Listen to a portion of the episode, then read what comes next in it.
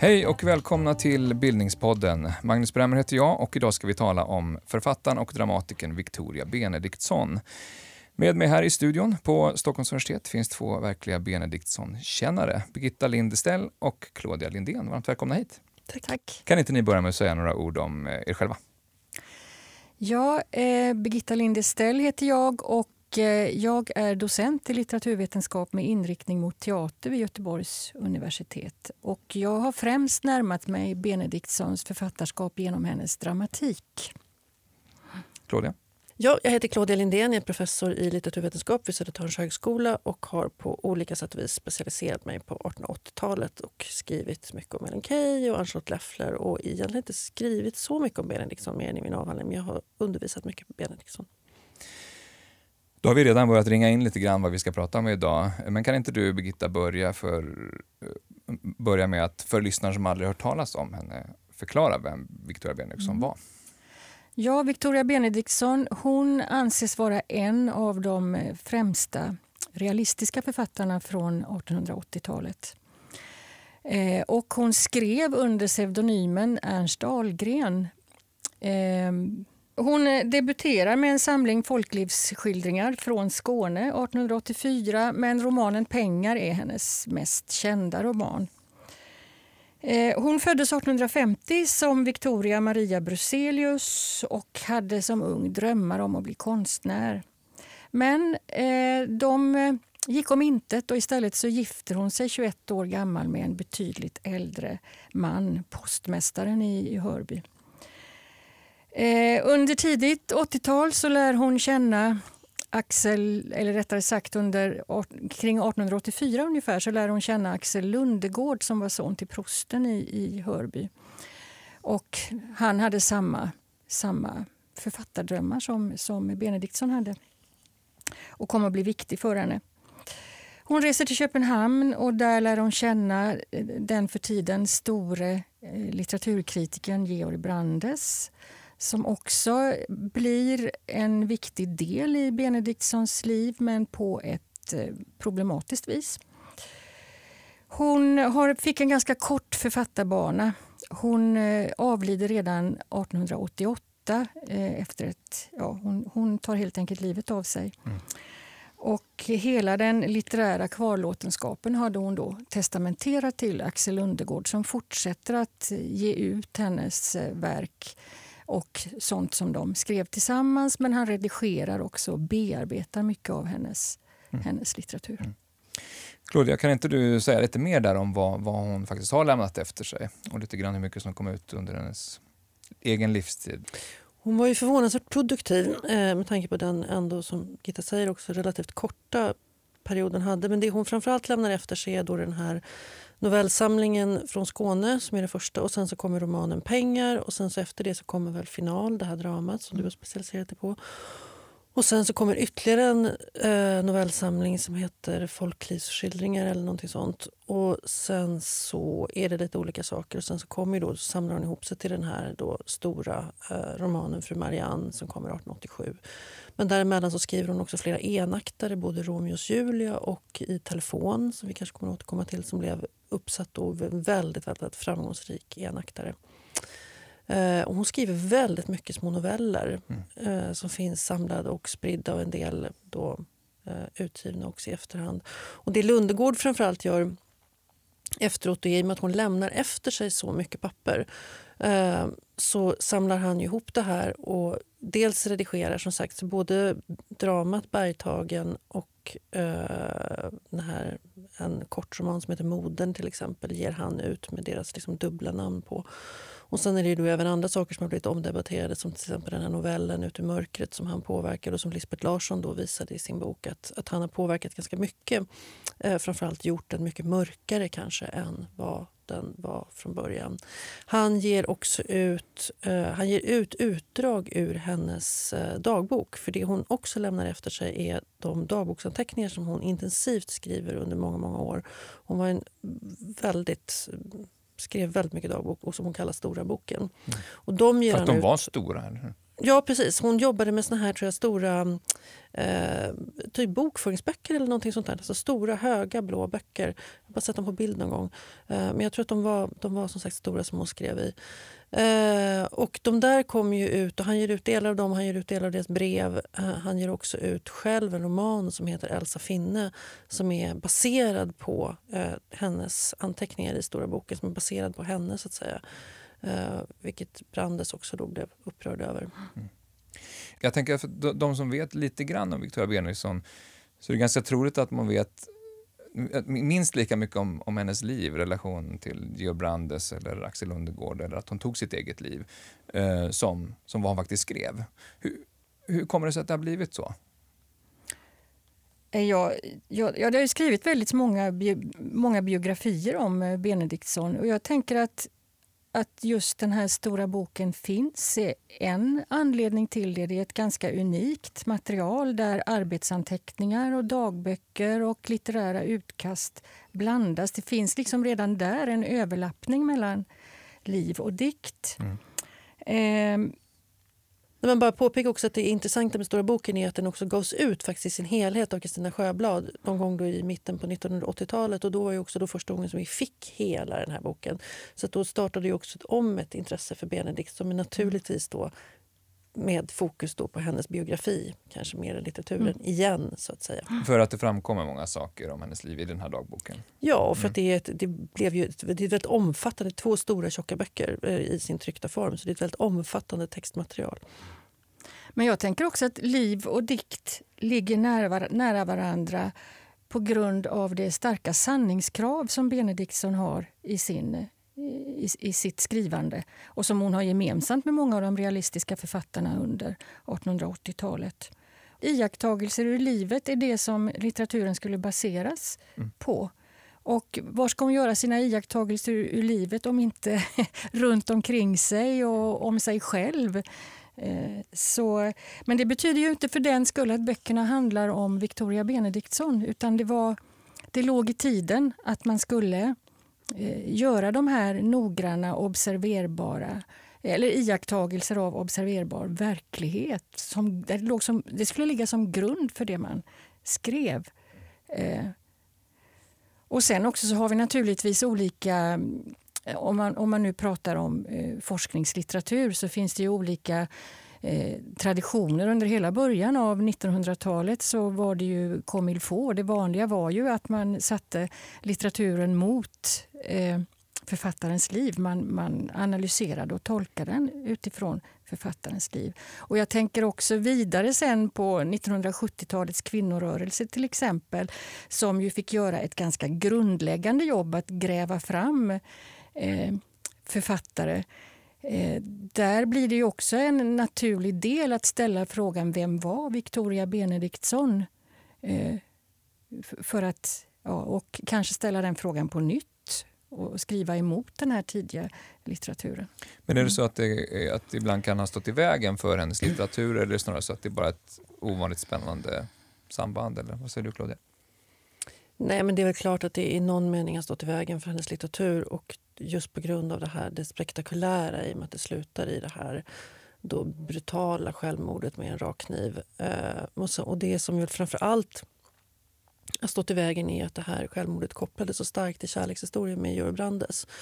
Och att Böck då skrev 1949 så skrev ju han då en, en biografi över eh, Brandes, över den här kärlekshistorien som han då delvis baserade på den då ännu inte publicerade dagboken och ännu inte publicerade brev eh, som han hade tillgång till. Men det gjorde ju då i och med att han använde sig av ett material som inte var tryckt eh, men samtidigt skrev fram en ganska tragisk kärlekshistoria så blev det också ännu mer som att liksom, han skrev in en historia om att Victoria Benediktsson i princip tog livet av sig av olycklig kärlek till Georg Brandes. Och den eh, bilden har naturligtvis, alltså den, den finns ju kvar fortfarande. Liksom. Och även det där rakbladet talas det om att Strindberg plockade upp i i Fröken Julie som går mm. samma ja, ja. öde till mötes. Även där mm. finns det då lite kopplingar mellan liv och dikt. Mm. Eh, som du säger Birgitta, så hon debuterar 1884, dör redan 1888. Det är en ganska kort tidsperiod. Ja, det är en väldigt kort tidsperiod. Det är mitt i en otroligt dynamisk tid i, i skandinavisk litteratur, 1880-talet. Också början på vad man ofta kallar det moderna genombrottet. Kan, uh, kan du Claudia säga lite mer om den här tiden? Ja, det är en tid som, som Birgitta var inne på som präglas då av eh, ett nytt intresse för realism att jag tänker på att också att Leffler kallar sina böcker också för Ur livet, apropå det du mm. sa tidigare. Att det här mm. att det är verkligen att det ska vara, man är väldigt trött, inte minst inom teatern, på mm, översatta pjäser. Man vill ha att det ska vara samtidsorienterat, det ska vara realistiskt. Det ska framförallt då som, det är Georg Brander som kommer med den upp, upp uppmaningen till liksom litteraturen då i början på 80-talet att man ska ställa problemen eller sätta problemen under debatt. Det vill säga att litteraturens uppgift är att diskutera sin samtids egna problem. Och då var det ju framför allt det man tänkte på då är var ju liksom att man skulle diskutera dels de sociala frågorna, dels äktenskapsfrågan och dels synen på relationerna mellan, mellan generationerna och i viss mån också religionen. Och det här att Brandes, då, som var den här enormt kända litteraturkritikern i Köpenhamn som alla vid det här det är också en tid i Skandinavien när skandinavismen fortfarande är stark. Så att alla tittar ju mot Köpenhamn. Vi har liksom inte de här separata kultursfärerna utan Skandinavien var liksom en sammanhållen kultursfär. Och sa Brandes någonting så lystrade man både i liksom Oslo och Stockholm och, och, och började omedelbart liksom pränta utifrån det här. Så att den här... Jag tror att det, det är en tid som också så att säga har en, det är därför den här tiden är rolig, det är en tid som har en sån otroligt stor tilltro till litteraturens kraft. Vare sig man är så att säga, en radikal författare som man tänker att man ska förändra eller man är en mer konservativ författare och är orolig för vad litteraturen kan åstadkomma. Ja, de nästan ännu mer. De tror ju liksom att en läsning och sen så är liksom folk helt bortkollrade i huvudet och, och går ut och förändrar världen. Så det, det, det är ett samhällsklimat som, som tror på att litteratur verkligen kan gå in och förändra hela samhället och bör göra det. Vilket gör att det är en väldigt liksom, vital period för, för litteraturen. Och när det gäller då framförallt de här kvinnliga författarna, det som ju de då framförallt diskuterar är ju äktenskapsfrågan och synen på sexualitet och kvinnors frigörelse. Mm, som vi ska komma in på. tänker jag också. Mm. Vad säger du Birgitta? Ja, och här tänker jag, där, där slog ju den här litteraturen och framförallt kvinnornas litteratur mot en konstsyn där konst och moral var, var tätt sammanvävda. Eh, och att beskriva kvinnor som de gör, det var liksom ett slag både mot den här konstsynen och mot den accepterade moralen. Och därför så var det lätt att det blev kontroversiellt, det de skrev. Men jag tänker också om dramatiken. Den här, eh, man ville, eh, Brandes eh, efterlyste en ny typ av, av, dramatik. Och Det var viktigt att det var, den skulle vara litterär till skillnad från det som spelades, den, den importerade europeiska dramatik som ofta spelades på teatrarna. Men den skulle också vara nordisk, så att det nordiska ställdes emot det europeiska. Och den här dramatiken skulle föra teatern närmre livet, helt enkelt. Så där kommer det här med sannings, sanningskravet och att eh, eh visa eh, så småningom när dramatiken sätts upp på teatern då, eh, publiken eh, ett liv som de kan känna igen från sitt eget vardagsliv. Och det var ju mestadels en borgerlig publik på mm teatrarna vid den här tiden. Vilken, vilken blir eh, Benediktsons roll i det här landskapet? Och, och hur, liksom, hur stor hinner den bli under de här eh, åren som hon är verksam? Eh, hennes stora succé på teatern det är ju precis som Claudia eh, nämnde, den här enaktaren i telefon som eh, då spelades, ja, den spelades på, ja, i alla de nordiska länderna. Eh, och eh, den spelades också, jag har också hittat, i, hittat i, när jag har letat efter annat, så jag har hittat annonser där amatörteaterföreningar sätter upp den här pjäsen. Eh, bland annat. Så den, den var stor och framförallt blev den stor genom skådespelerskan Ellen Hartman som gjorde huvudrollen som eh, den 17-åriga Siri. Och den här rollen som Siri den eh, spelade hon ända in i 1920-talet när hon började närma sig 50-årsåldern. För hon var specialiserad på den typen av roller, alltså att spela unga kvinnor. Så det, det var hennes bravurroll. Så det bidrog också väldigt mycket till den här pjäsens popularitet. Det finns till och med en vaxrulleinspelning som har bevarat Ellen Hartmans röst. Ja, det finns det. det mm. finns det. Vi kan lyssna lite på den. Mm. Hallå? Är det du, Kalle? Varför har du inte ringt på under de här dagarna? Ja, jag kunde väl tro det. Det låter så underligt när du talar. Stryk talg under fötterna och bind en ullstrumpa om halsen ikväll. Så gör alltid jag när jag är förkyld. Men kom ihåg, avigan ska vara ut för annars hjälper det inte. Ni har ju redan nämnt också flera liksom, framstående kvinnliga kultur personligheter under den här tiden. Hur, eh, vad tar Victoria Benediksson för roll i, i den frågan? Hon är ju då, när hon, när hon debuterar med den här första novellsamlingen så är hon bor ju i Skåne. Hon känner inte så många andra. Men hon kommer ju sen upp till Stockholm. Så småningom så form, formar hon ju ett, ett litet skånskt gäng tillsammans med Stella Kleve och Ola Hansson. Men framförallt så lär hon ju också känna några av de här författarna i Stockholm. Hon kommer upp och besöker Stockholm och det finns en väldigt fin beskrivning just. Hon lär känna Ellen Key där bland annat. Hos, hon kommer på den här salongen till Kalla Kurman, Karl och Kalla Kurman på, på Villagatan. Deras hus finns fortfarande kvar där. Där de har stora, stora kultursalonger där alla, alla som betyder något i Stockholm är. Mm. Och hon kommer dit och Ellen Key beskriver henne då. Hon har ju haft den här problem med sitt ben så att hon går med käpp. Hon är väldigt lång och väldigt smal och har någon liksom svart enkel dress. Hon står där med sin käpp och ser så där liksom väldigt stilig och praktfull uh, ut. Hon klagar ju själv ofta att hon är så lång och att hon vill sitta ner och sådär när hon ska träffa folk. Men jag skulle säga att det som blir speciellt om man ska förstå hennes plats i det här 1880-talet också då så är det att det präglas ju från 82-83 till ungefär 87, precis under de år hon är verksamma av den här den så kallade sedlighetsdebatten som är en litterär fejd kring sedlighet. Och I princip kan man säga att sedlighetsdebatten handlar om vad och hur litteraturen ska liksom, hur mycket kan litteraturen säga i frågor om sexualitet? Eh, och där ju då eh, Fredrika Bremer-förbundet till exempel och Björnsson tillhör de här då, som kanske tycker att litteraturen ska vara lite mer återhållsam. Eller inte så mycket återhållsam kanske som att den bör vara mer framställa hur saker och ting borde kunna vara. Eh, Medan att vi har då det här, det här, andra gänget som mer vill liksom vara tydligt kritiska och bara lyfta fram allt hyckleri. Och där man kan se att Leffler går ganska långt åt det hållet och Benediktsson är ju lite försiktigare men ändå definitivt där. Och hon blir till exempel väldigt uppmärksammad för att hon tar i försvar den här Gerda från Mikvits eh, lilla novell som heter Mässling som handlar om en kvinna som blir som en giftfru som blir smittad av syfilis av sin man. Och de, novellen handlar om att det tystas ner eh, och så säger de istället att hon har mässling. Eh, och, eh, och, och, den lilla novellen blir väldigt uppmärksammad och folk blir, blir upprörda över den. Och då träder Benediktsson in i försvar i den här feministiska Göteborgstidskriften som sen tvingades lägga ner eh, för att de, framåt. precis. Eh, för att de hamnade i bråk med Fredrika Bremer-förbundet i Stockholm. Eh, men då träder hon in till försvar för den och säger till exempel att, det, det är att, liksom, att talet om det kan ju inte vara värre än saken själv. Så att mm. litteraturen ska ju kunna prata om såna här saker.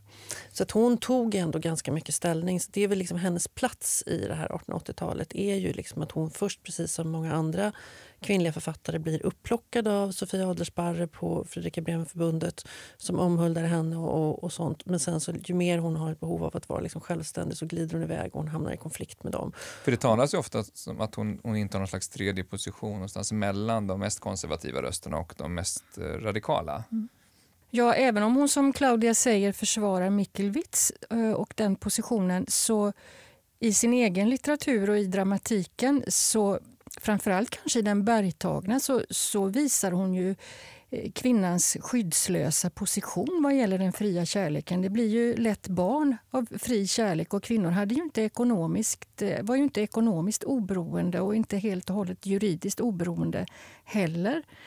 Eh, samtidigt så är hon ju emot konvenansäktenskapet, alltså eh, äktenskapet som bara en, en form och där eh, en kvinnas ungdom och skönhet är ett slags kapital och kvinnan gifter sig till en social position. Alltså att pengar och sociala positioner blir en del i förhandlingen i om en kvinna ska gå in i ett äktenskap eller mm. inte. Sam och samtidigt då hennes ungdom framför allt och skönhet. Eh, så att äktenskapet, så kärleken ska realiseras innanför äktenskapet men den ska vara mellan två jämlika parter och det ska vara en, finnas en attraktion och en äkta kärlek där två personer ser varandra som unika individer och inte som ett medel för att göra ett socialt avancemang eller att kvinnan blir en trofé eller en klenod i, i makens eh, konstsamling som huvudpersonen Betty i final blir. Mm. Innan vi fördjupar oss mer i, i flera av de här verken som ni redan har nämnt så kan vi säga någonting lite mer om, om hennes bakgrund. Eh, ni har nämnt att hon växte upp i, i, i Skåne. Finns det någonting mer, eh, finns det något mer att eh, säga om, om hennes uppväxttid som ni tycker är, är intressant? Hon växte upp som ett sladdbarn kan man säga. Hon har två äldre systrar som hade flyttat hemifrån när hon växte upp. Och, eh, hennes mamma hade en för tiden god utbildning för att vara kvinna. Eh, och pappan, Ture Bruselius, var av eh, prästsläkt. Ja, mamman hette Helena eh, Sofia förresten. Eh, och, eh, men han revolterade mot eh, att gå den lärda banan och blev istället då jordbrukare. Och, eh, hennes hem har hon själv beskrivit som en slags eh, krigszon där familjen möttes i matsalen i princip. Och hon fick dela upp sin tid mellan mamman som undervisade henne och det var en stark eh, kristen skolning som hon finns fick. Och litteraturundervisningen den bestod mest i högläsning. Ehm, men fritiden då tillhörde pappan och hon lärde sig rida och hon lärde sig skjuta. Så att föräldrarna levde i stort sett uppdelade? Ja. Och, mm. och, och hon delade tiden mellan dem? Ja. Mm. Mm.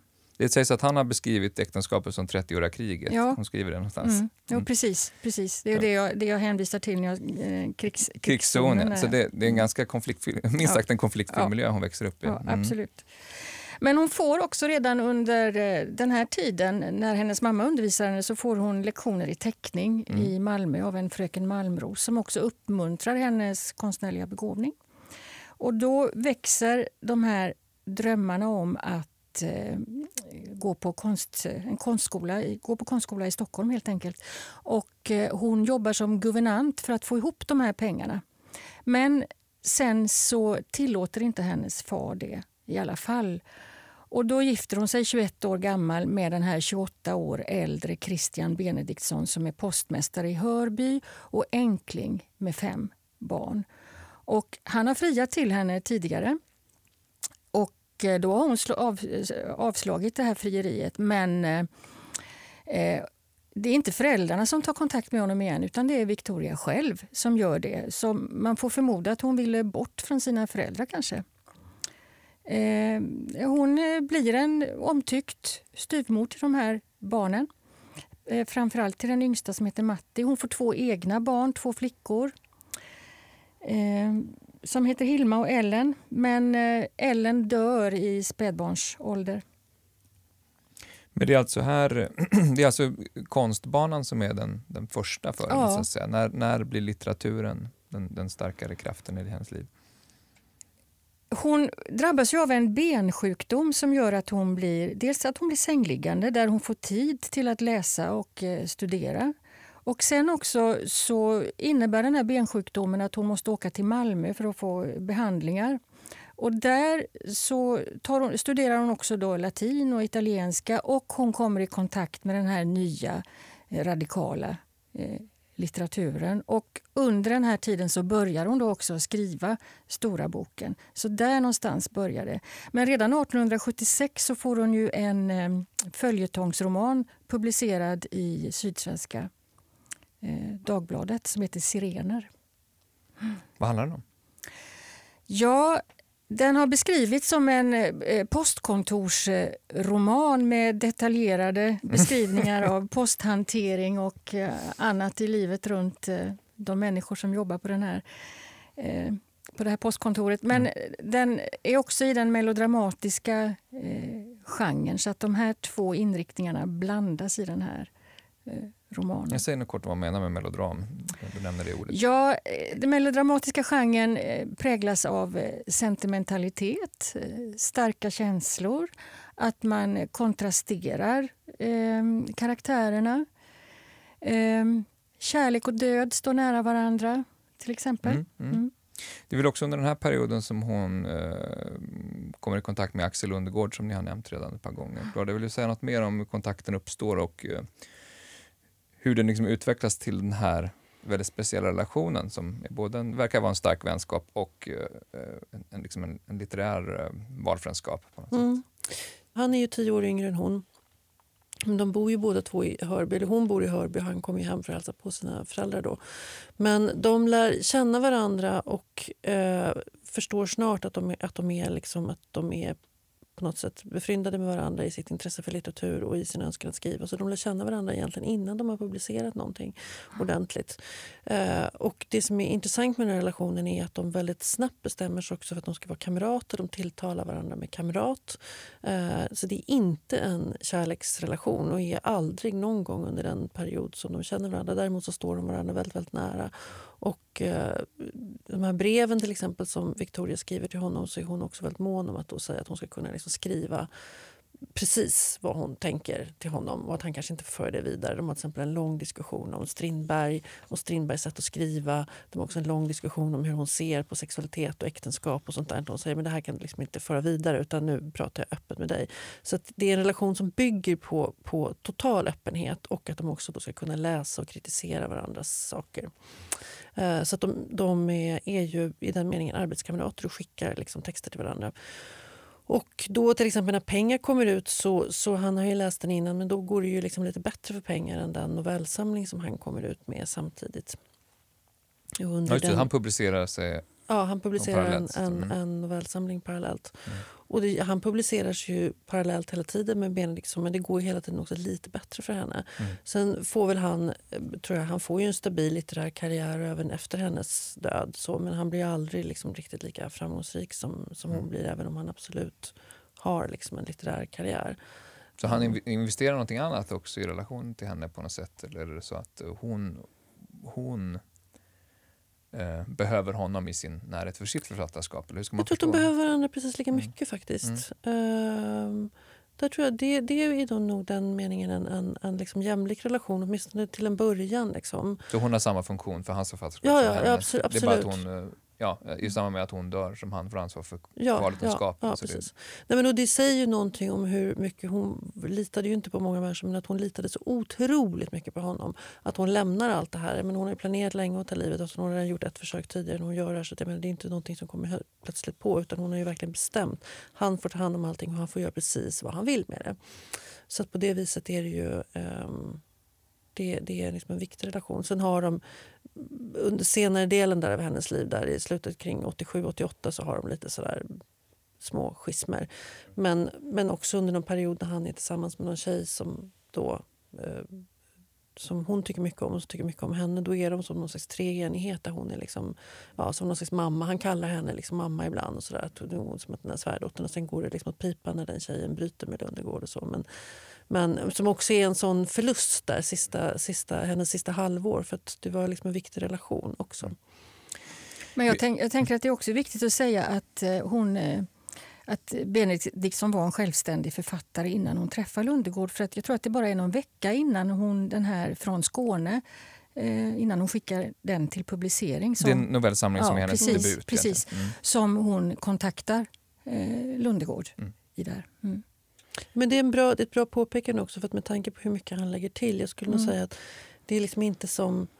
Men, han är liksom ingen sprängel för henne till, som, till Agnes von Krusenstjerna. Det är inte så att han går in och skriver saker i hennes liksom, texter men, utan han är mer en sparringpartner, en intellektuell mm. sparringpartner. Mm. Men hon är, är absolut en, en, en självständig författare. Ja, det, det, det är postumt som han gör det. Ja. Mm.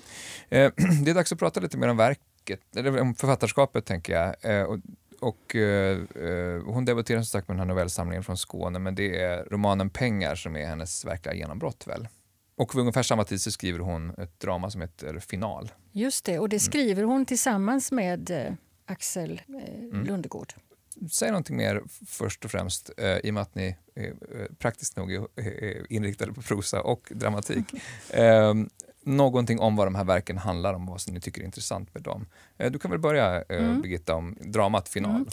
Jo, handlingen i Final den utspelar sig en kväll i maj och de två efterföljande dagarna i paret Betty och Hugo Bruns hem. Och Hugo han är bankdirektör och Betty är hans vackra hustru.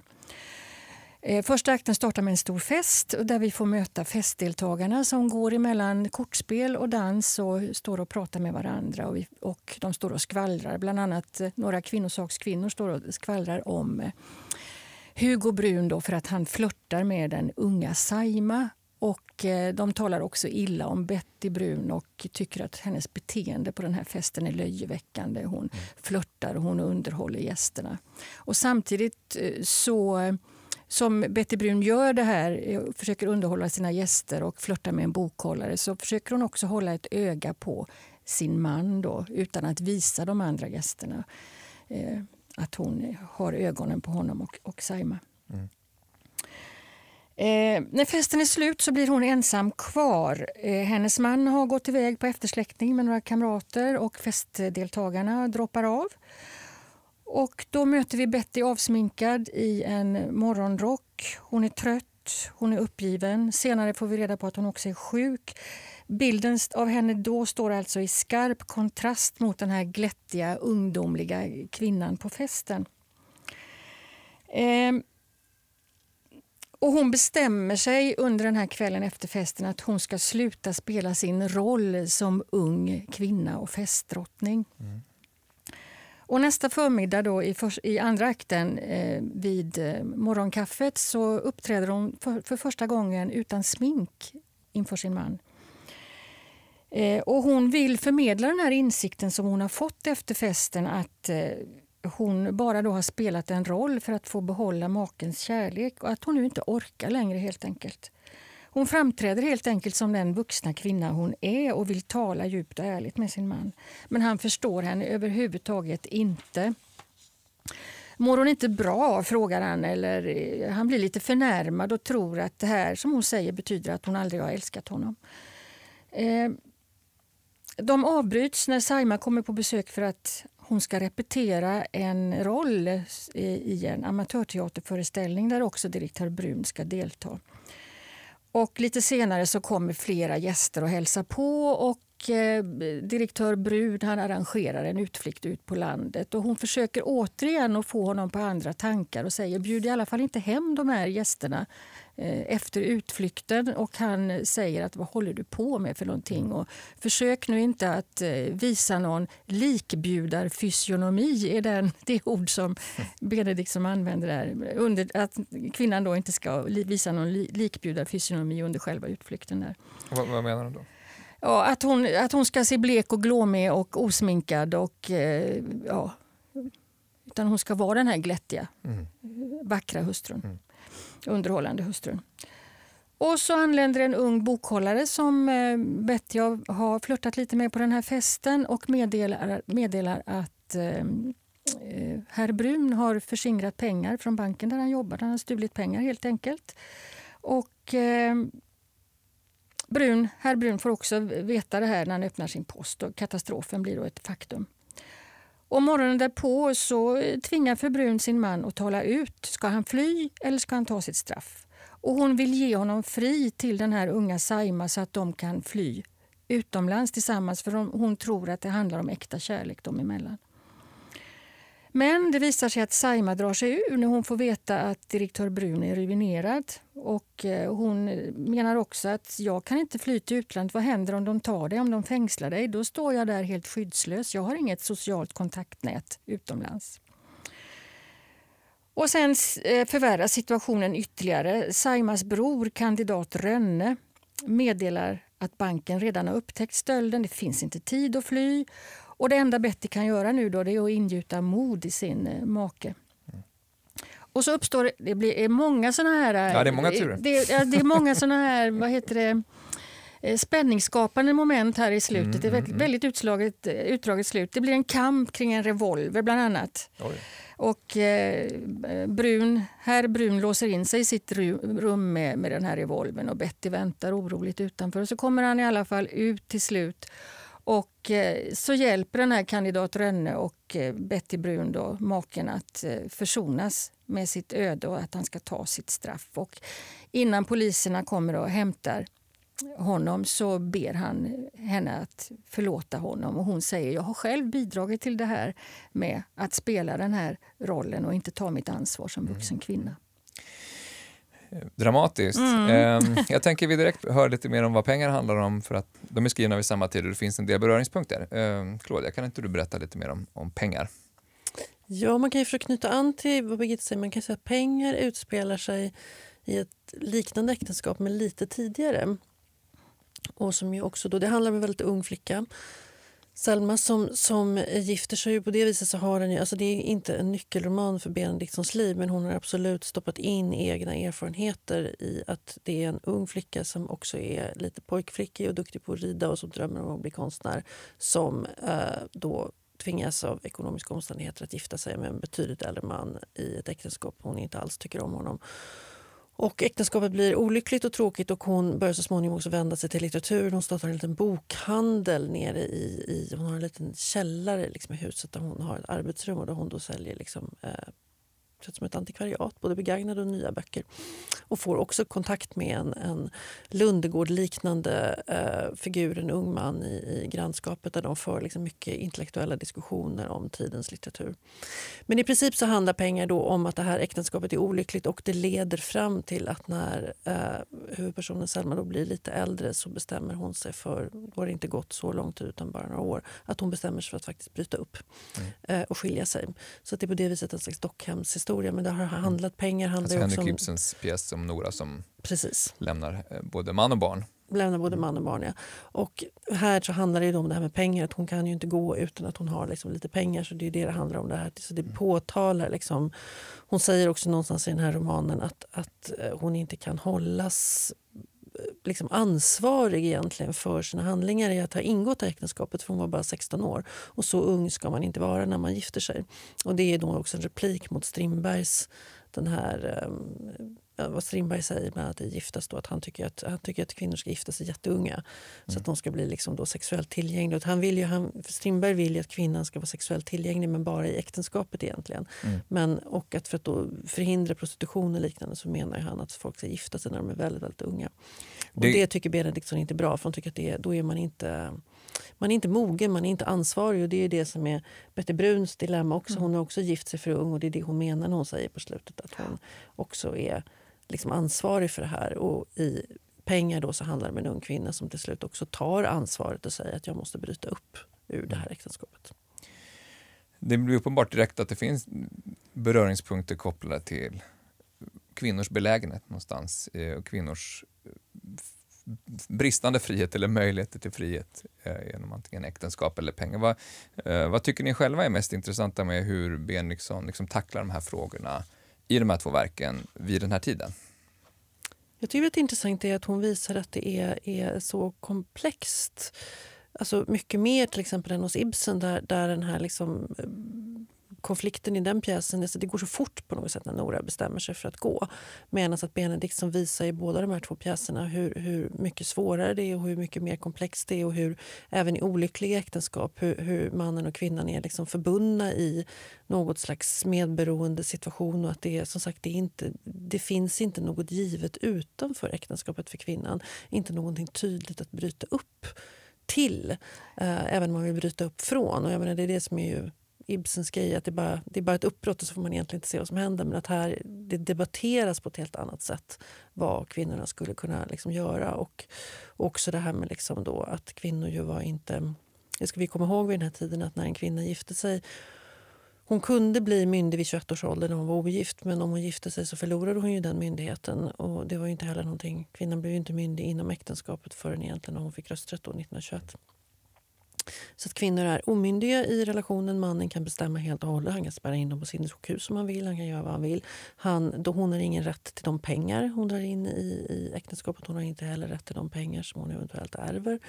Eh, det kommer en lag eh, lite senare om att kvinnor ska få rätt till vissa, vissa såna här arv. Då, men det är också väldigt lätt att mannen tvingar henne att skriva över dem. Så det är ju den här situationen av ekonomisk, känslomässig och juridisk låsthet mm. tycker jag är någonting som Benediktsson lyfter mm. fram väldigt väl. Vad säger du, Birgitta? Ja, det, det är som att det finns ingen plats i den tidens äktenskap och inte heller utanför äktenskapet för, eh, för kvinnan. Och det, det tycker jag det är, det är det hon visar också i final. Dels med, med eh, Betty Brun, eh, då den här hustrun som har fått spela den här dockhustrun. Och hela Betty Bruns eh, demaskering, hon demaskerar ju sig och visar eh, alltså, att hon är en, alltså en, en... Hon visar sitt autentiska jag, skulle man kunna säga. Det är en väldigt stark bild för eh, rollerna som kvinnor förväntas eh, inta. Ja, precis. Och den klär hon av sig. Mm. Och det får man faktiskt...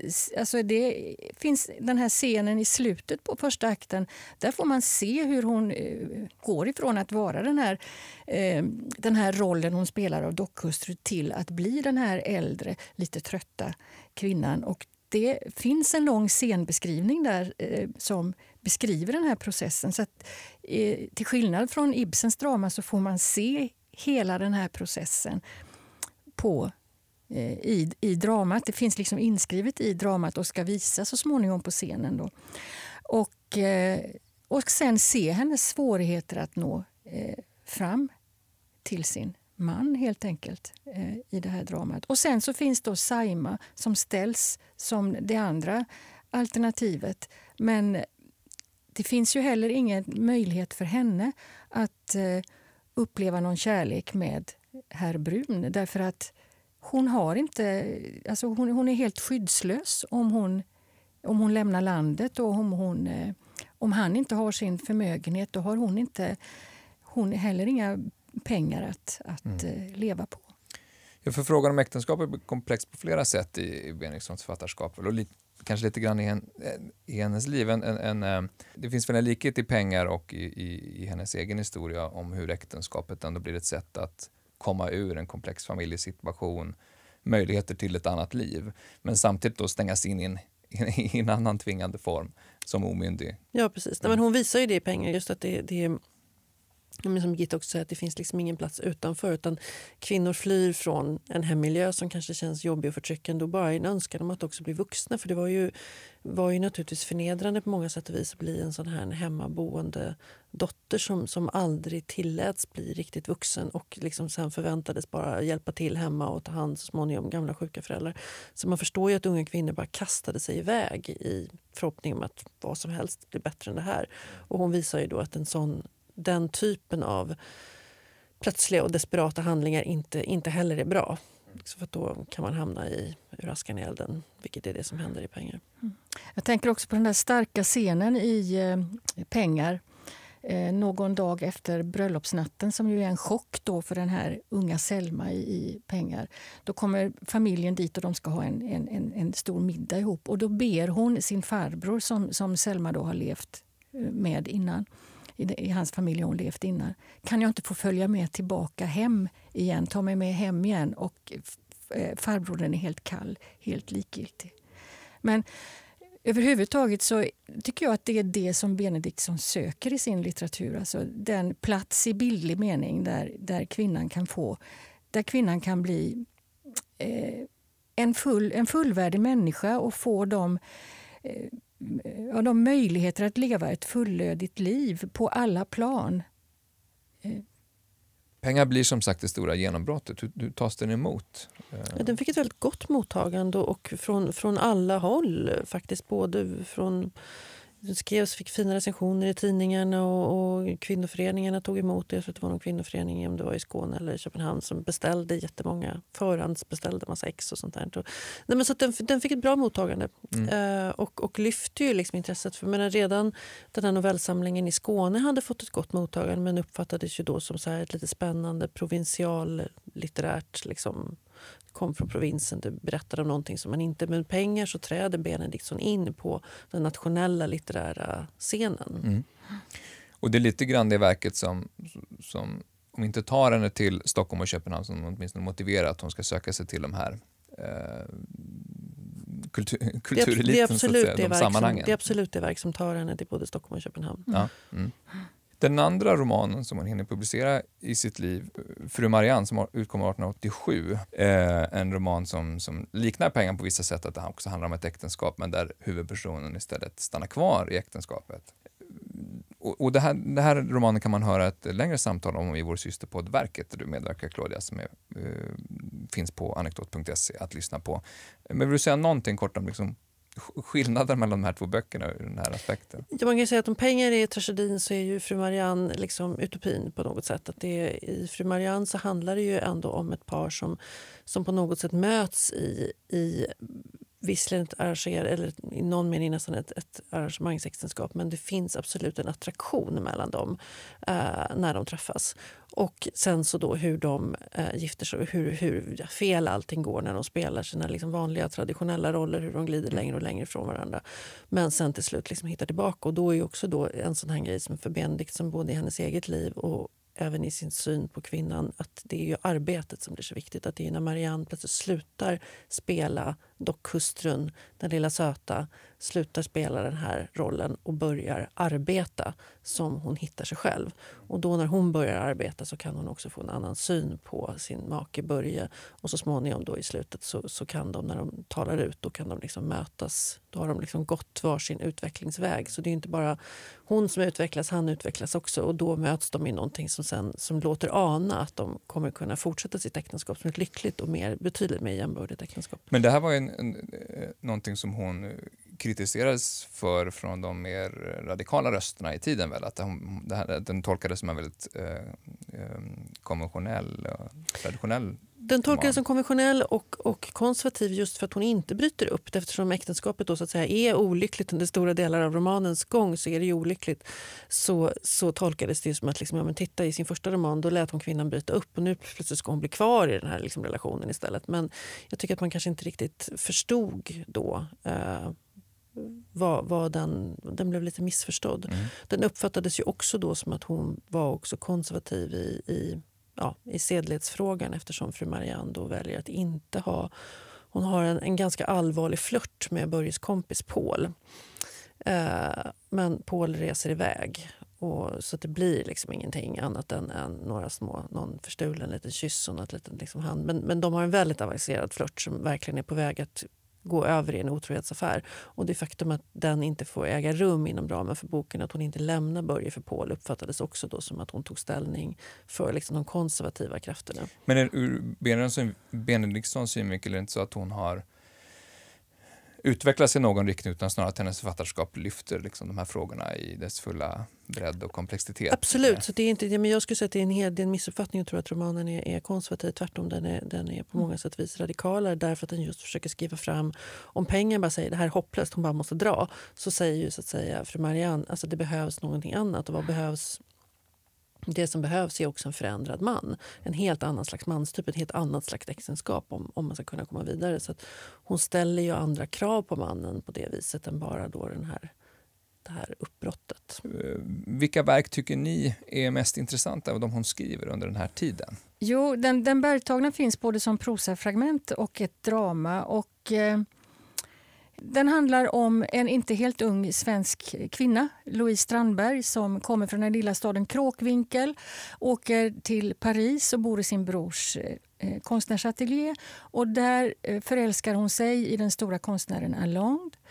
Och, eh, hon försöker fly den här starka kärleksrelationen och åker hem igen men hon, hon kan inte hitta sin plats igen hemma i den här lilla staden utan hon eh, åker tillbaka och eh, resultatet av den här kärleksrelationen blir en, en fantastisk eh, skulptur där det ligger en, en döende eller död kvinna på marken och en kraftfull kvinna kliver över henne.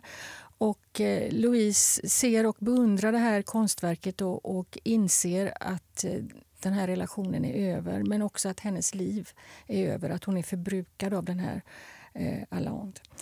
Det hon gör i det här dramat är ju en, som jag nämnde i början, det är en dissektion av, av eh, den här fria kärleken men också av eh, hur eh, Louise blir förförd eller manipulerad in i den här relationen men också hennes möte med kärlek och passion och hur det blir omöjligt för henne att gå tillbaka sen till den lilla svenska småstaden och ett förhållande med en kamrer som har haft ögonen på henne sedan hon var ett litet barn eh, och som hon då i sådana fall skulle gifta sig med för att få sin ekonomi för sig. Det blir fullständigt omöjligt för henne. Hon, hon hittar ingen väg eh, ut ur det här så att eh, hon eh, dränker sig i sen helt enkelt.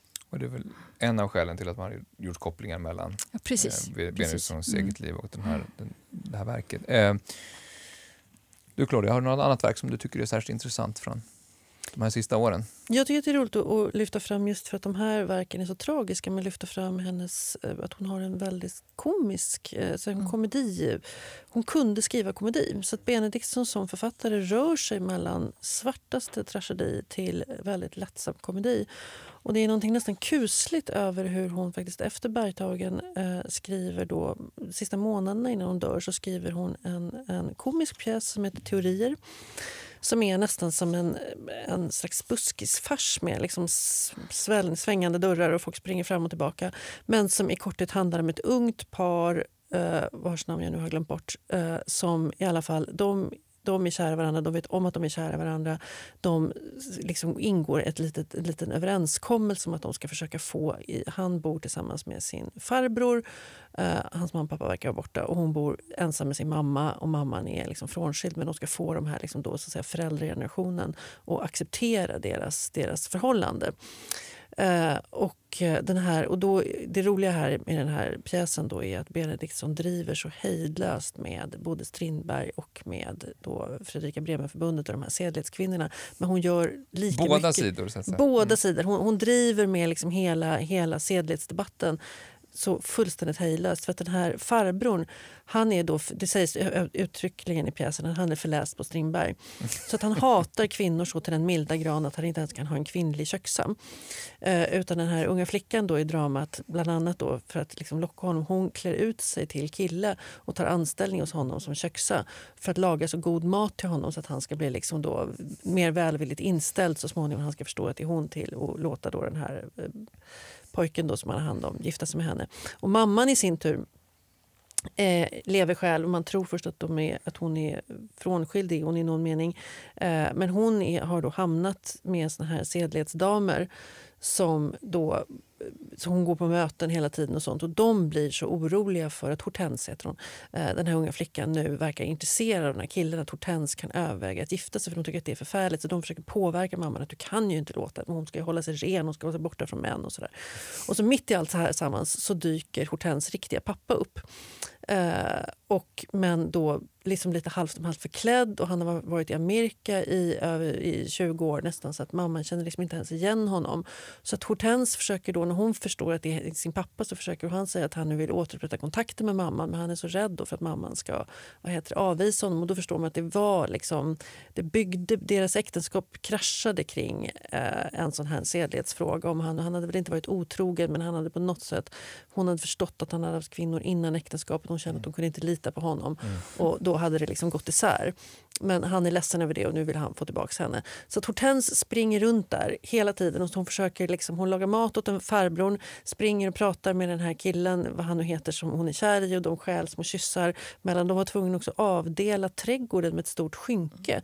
För att den här Strindbergsfarbrorn vill inte ens se kvinnorna på andra sidan. Så hon springer in under det här skynket och sen ska hon få sin mamma och pappa ihop och hela tiden medan hon försöker lära sig att laga mat av hushållerskan. Jag tror vi får en bild av, av liksom hur ja.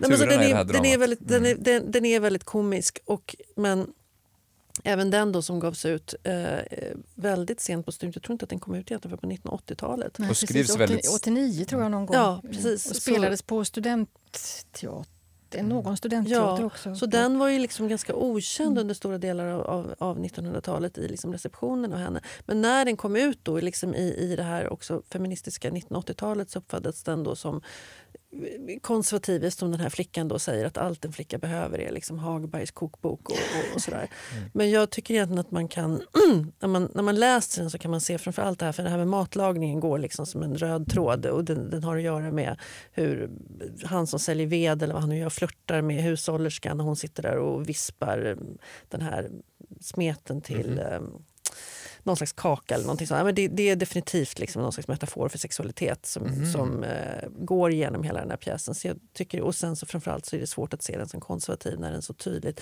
driver med väldigt konventionella hållningar kring män och kvinnor och visar att de unga står liksom helt fria från de här konventionella hållningarna. Så på det, det, sättet så skriver den ju fram ungdomen som att de klarar av det som den äldre generationen inte gör, nämligen att skapa sig en friare, mer jämbördig relation på nya villkor som mm. så att säga, vi i nutiden, det vill säga 1880-talet, inte riktigt kan liksom förutsäga mm. exakt vad det ska bli. Det är någonting de får göra. Men de gör ju det helt och hållet i samförstånd med varandra. Hortense är absolut inte någon liten flicka som mm. ska stå utan hon springer runt och det är hon som liksom orkestrerar hela den här springa fram och tillbaka farsen liksom, Men som du säger, den samråd med honom. skrivs också väldigt sent i hennes liv, en ja. svår period där hon också skrivit väldigt mörka saker. Så det verkar som tragedin och komedin då bor ganska nära varandra. I... Ja, och det är ganska det är märkligt som sagt att hon kunde skriva den här, för den är skriven med sån otroligt liksom, lätt hand på något mm. sätt. Och tänk sig att den här människan eller författaren, kvinnan som skrev det här var så tyngd i mitt i en depression egentligen samtidigt. Det är ganska märkligt. Men jag, jag tänker också, det, komiken kommer ju också in, alltså, tycker jag kommer in i i hennes romaner och i den andra dramatiken också. Det finns ju det finns humor i dem med och eh, skarpa ironiska kommentarer i, i eh, replikerna. Um, vår tid börjar springa ifrån oss här nu, men innan, innan vi slutar. Uh, för lyssnare som har fått mer smak av det här samtalet och aldrig har läst Benediktsson, var tycker ni man ska börja någonstans? Birgitta? Om det gäller dramatiken så tycker jag att man ska titta på hennes två enaktare i telefon. Eh, med den unga Siri som, och där en, en ett missförstånd i en telefon sätter hela intrigen. Mm. Och eh, också Romeos Julia som är en väldigt elegant skriven komedi och som utspelar sig i den uppburna eh, skådespelaren Stella Rambergs hem där hon får besök av en beundrare som i princip kommer dit för att förföra henne, spela mm. Romeo-rollen men som blir rejält eh, kommer på andra tankar helt och hållet innan pjäsens slut. Och, eh, apropå att hon har från olika håll kritiserats för, för att vara konservativ och väl även i dramatiken ansetts traditionell i förhållande till många samtida. Hon gör ändå ett drama om en om ett telefonsamtal i stort sett, eller flera telefonsamtal. Ja, ja precis. En teknik som är ganska ny i den här tiden. Ja, telefonen när kom den 1877 tror jag, mm. eh, någon gång. Eh, så hon för ju in telefonen där i det här, i den här, i det här dramat och eh, indirekt också på scenen för att göra monologen naturalistisk helt enkelt. Det är ju inte speciellt verklighetstrogen att någon går och pratar för sig själv i en, en monolog. Men med ja, telefonen så blir det det. Mm. Mm, så blir det det. Så att den, det, är en väldigt finurligt hopkommen eh, liten enaktare och också bygger, man ser Askungesagan i, i botten mm. på den. Mm. Alla de här verken finns digitalt på Litteraturbanken. Vi lägger länkar på mm. anekdot.se på avsnittssidan. Eh, Claudia, vad rekommenderar du att man börjar läsa? Ja, men jag tycker också de där är bra att börja med. Men sen så naturligtvis, ja, men de här två stora romanerna, eh, då om jag ska prosa specialisten så tycker jag ju att, att Fru Marianne är ju, är ju roligare på något sätt. Men, men även pengar är väldigt bra. Båda de två är väldigt, väldigt, väldigt läsvärda. Mm. Sen tycker jag också flera av hennes, de här, de finns ju också allihop på Litteraturbanken, av de här små novellerna.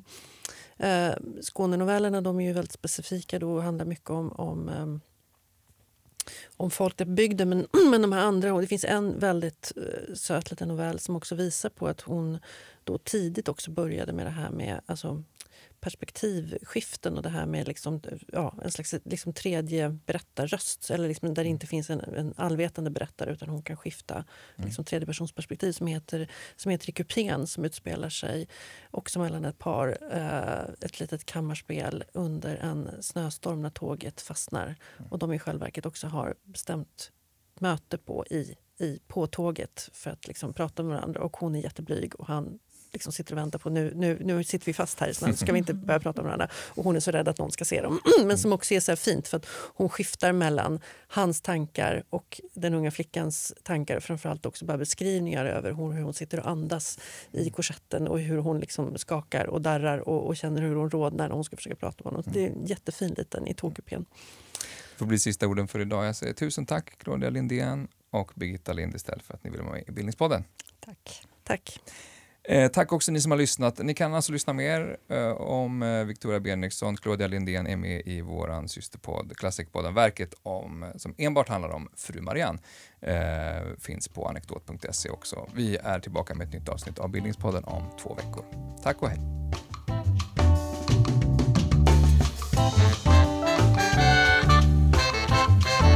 Du har lyssnat på Bildningspodden, en del av bildningsmagasinet Anekdot.